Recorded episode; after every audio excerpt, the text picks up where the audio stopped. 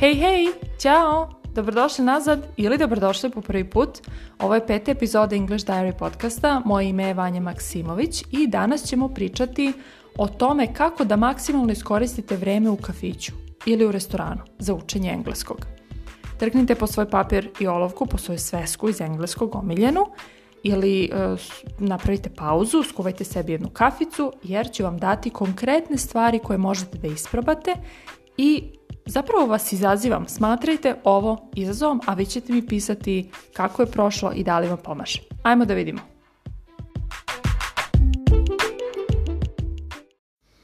Polako se vraćam u kafići i restorane i za razliku od shopping centara i tih takvih stvari, ovo me pomalo i raduje. Nedostaje mi to da odete negde i onda poručite nešto što volite ili bilo da ste sa društvom, bilo da ste sami, to su neki trenuci, oni specijalni koje sebi priređujemo.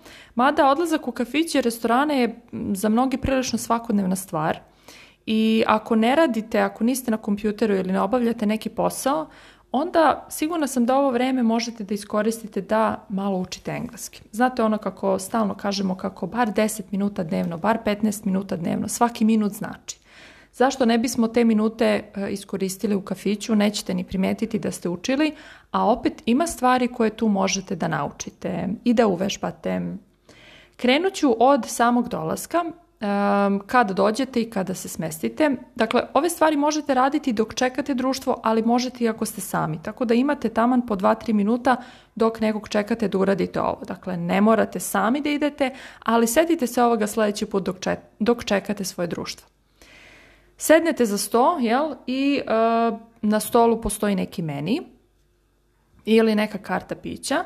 U skoro svim, rekla bih, ili bar u 90% e, takvih mjesta, meni je, postoje dve verzije. Postoji verzija na engleskom i postoji verzija na srpskom. Ja mislim da vam je već jasno šta možete da uradite. Mi onako prelećemo pogledom brzinski i gledamo uglavnom srpsku verziju jer nismo stranci u svojoj smo zemlji, to nam je prirodno da primećujemo srpski, ali zašto ne biste dali sebi malo više vremena i e, iskoristili 2-3 minuta da pogledate kako se to vaše neko jelo ili čak e, sastojci, odnosno kako je to jelo spremljeno, koje su, koji su ovaj, jel, ingredients, da pročitate na engleskom. To je super stvar, čak i sa onim pićima. Znači, pogledajte kako se to kaže na engleskom.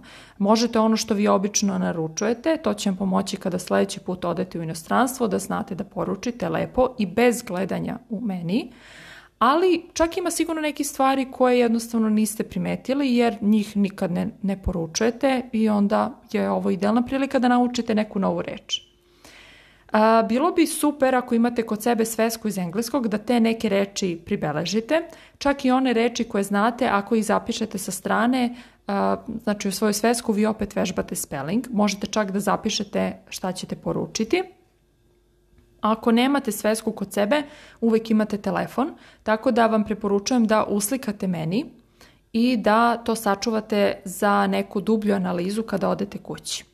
Možda će se tu provući neka zanimljiva greška smešna, ko zna. Druga stvar koju možete da uradite jeste da dok, nakon što ste recimo ovo uradili, dok čekate da dođe konobar ili konobarica, vi možete malo da razmislite kako biste vi njih na engleskom pitali, kako biste poručili na engleskom ili ih pitali šta god da vas zanima. Ko želi da ode korak i onda to da zapišete, Ko želi, da ode korak dalje, što vam toplo preporučujem i ovo e, je najveći izazov celog ovog, cele ove epizode, to je da uh, e, vola bih da zamislite da ste stranac i da se pretvarate da ste stranac u Srbiji ili u Beogradu i da pričate sve vreme sa konobarom na engleskom. Zašto ne biste to uradili? Oni ne mogu da znaju da li ste vi stranac ili niste, neće znati. Dakle, ovim putem izvinjavam se svim konobarima i konobaricama, reći ću vam kako će ovo biti dobro za vas. Dakle, ne želimo da vas prevarimo, želimo samo malo da vas iskoristimo, pošto vi onako pričate stalno na engleskom, to je za vas normalna pojava, vi stalno imate strance u kafiću, vi ne znate da li smo mi stvarno iz Srbije ili smo možda iz, mislim i okoline, svi koji pričamo isti jezik, ili možda smo, ne znam, iz Mađarske ili iz Eh, francuski ili odakle god. Tako da glumite malo. Zamislite stvarno, ovo je jedan, jedna prava životna situacija. Ako nešto radimo kada odemo u inostranstvo, to je poručivanje hrane i ne samo poručivanje hrane, na to će mnogi reći pa to znam, to mi je lako, šta sad kao can I have this or I will have that, kao to znam. A onda vas izazivam da eh, započnete razgovor sa konobarom ako primetite da nije kafić previše pun i da oni nisu previše zauzeti onda možete da kao svaki stranac povedete razgovor o tome šta biste mogli da vidite, pitajte ih za neku preporuku, gde otići, šta videti, pitajte ih za preporuku za neki park ili za jednostavno bilo šta. Oni će vas na to verovatno pitati ono da li vam je ovo prvi put u Srbiji ili u Beogradu ili bilo gde, gde ste bili, pa onda malo tako lažite šta ima veze. Sve je to vežba. Dakle, vi vežbate speaking na engleskom i ne samo onaj deo gdje poručujete ili pitate za toalet ili tražite da platite, tražite račun, nego i onaj deo gdje e, znate kao što sam rekla, kao i svaki stranac, želite malo bolje da upoznate zemlju u kojoj ste i e, konobari i konobarice i ljudi koji rade u tim uslužnim e, servisima, oni vrlo često znaju najbolje da vam preporuče gdje da odete. Pa nikad se ne zna, možda tako i otkrijete neko zanimljivo mesto. Eto, to je jedan speaking challenge za vas koji vam stvarno nadam se da ćete to isprobati. Možete da odete čak eh, i kada završite, kada eh, prosto napustite kafić, da odete do najbliže trafike pa da tu onda budete opet da se pravite englez, još malo da tražite, kupite nešto na engleskom, pa onda da odete do neke male prodavnice, pa onda tu kupite vodu, žvake, pojma nemam ja šta, pa i tu malo pričate na engleskom i tako malo, malo. A znate šta je isto super stvar jednom, sad, evo sad, sad sam se setila da sam jednom i to preporučivala. Dok šetate po gradu, naročito ako ste u Beogradu, e, obično negde na kraju Knez Mihajlove, znate, ima puno onih, e, šta su to neke turističke, ne znam, ponude, ove ponude sa brodića, gde e, na engleskom se obraćaju jer oni žele da privuku normalno strance i onda vam se obrate na engleskom i nude vam neku turu da prošetate gradom ili da odete na brodić, na reku ili tako dalje.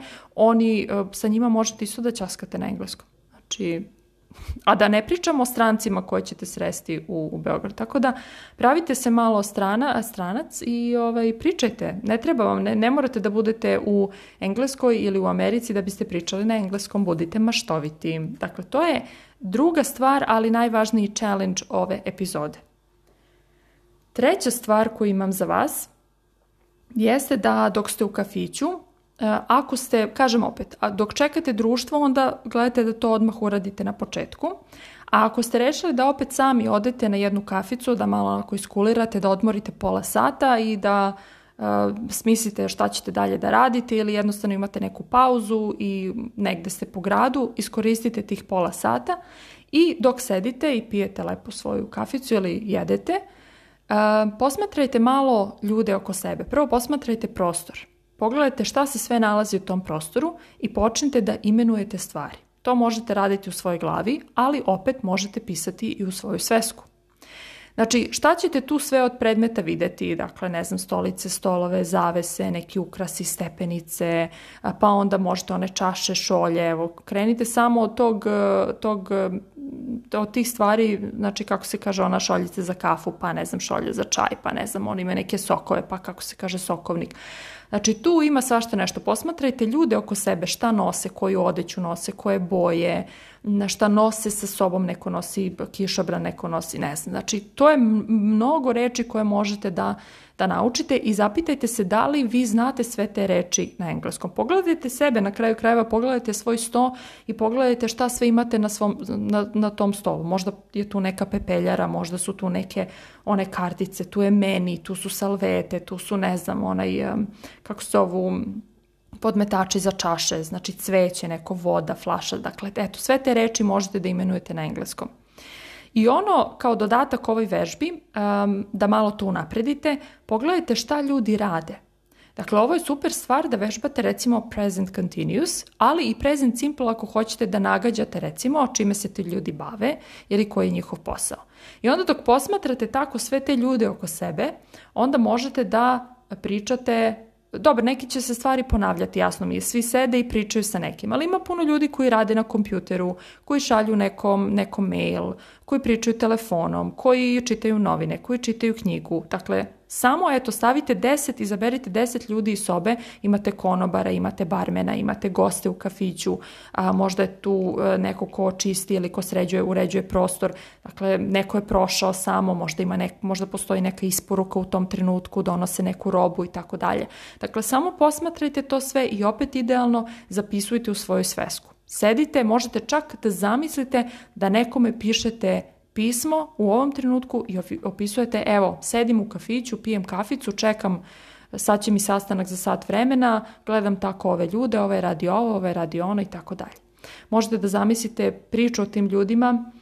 Meni je to uvek zanimljivo i naročito bilo na početku da kad uđem u gradski prevoz, posmatram te ljude oko sebe i onda znate da svaki, svaki čovek krije neku priču i da onda vi probate na osnovu onoga što, što nosi sa sobom ili što drži u ruci ili na osnovu njegove um, njegovog izraza na licu vi možete da nekako iskonstruišete priču u svojoj glavi. Ne znači da je ona tačna, daleko od toga naravno da najvjerojatnije da nije, ali možete da zamislite šta ta, gde ide sad ta osoba, šta on radi, gde je pošao, dakle se vraća, o čemu razmišlja. Dakle, pustite, opet kažem, mašti na volju. Posljednja stvar koju, koja deluje, koju možda već i radite u kafićima, to je čitanje knjige.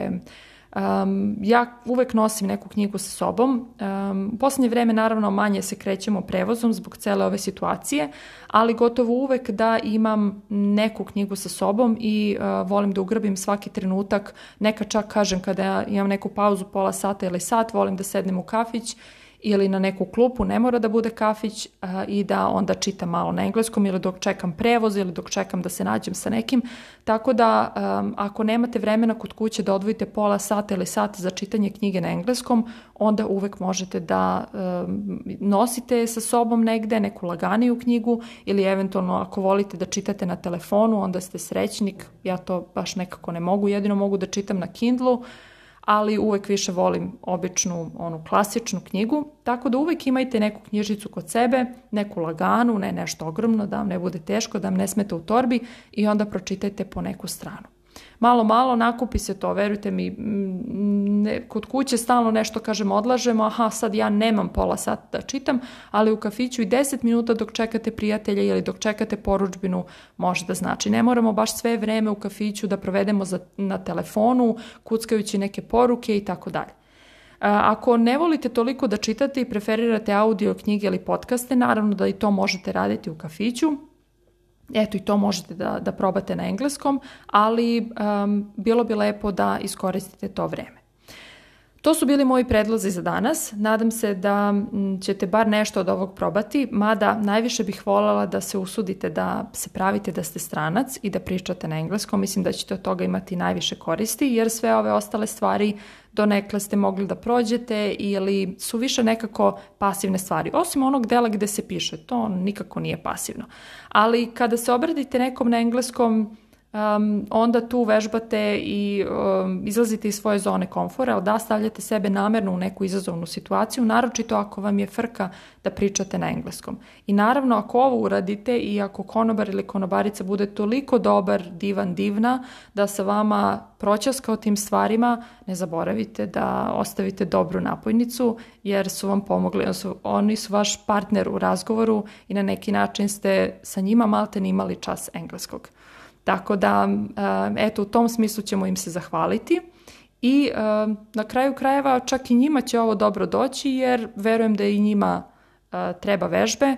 Još ako uhvatite neko ko je tek došao na posao pa je sav nešto zbunjen, pa super, eto, bit će dobro i za vas i za njih.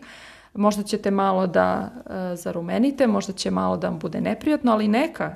Svaki sledeći, bolje da vam tu bude neprijatno nego e, da, da čutite do svog bitnog nekog sastanka ili intervjua i onda tada prvi put čujete sebe kako pričate. Pričajte, čujte sebe, dozvolite sebi da pogrešite, dozvolite sebi da, da pitate, da saslušate tu drugu osobu, da vidite kako, kako će to ići u realnom životu, a ne samo da u glavi čujete neke dijaloge koje slušamo na TV-u i koji naravno zvuče savršeno. Želim vam lep dan Eh, voljela bi da ovo probate i da mi javite kako ide, da li vam se sviđa i da li vam pomaže. Do sljedećeg slušanja, have a nice day!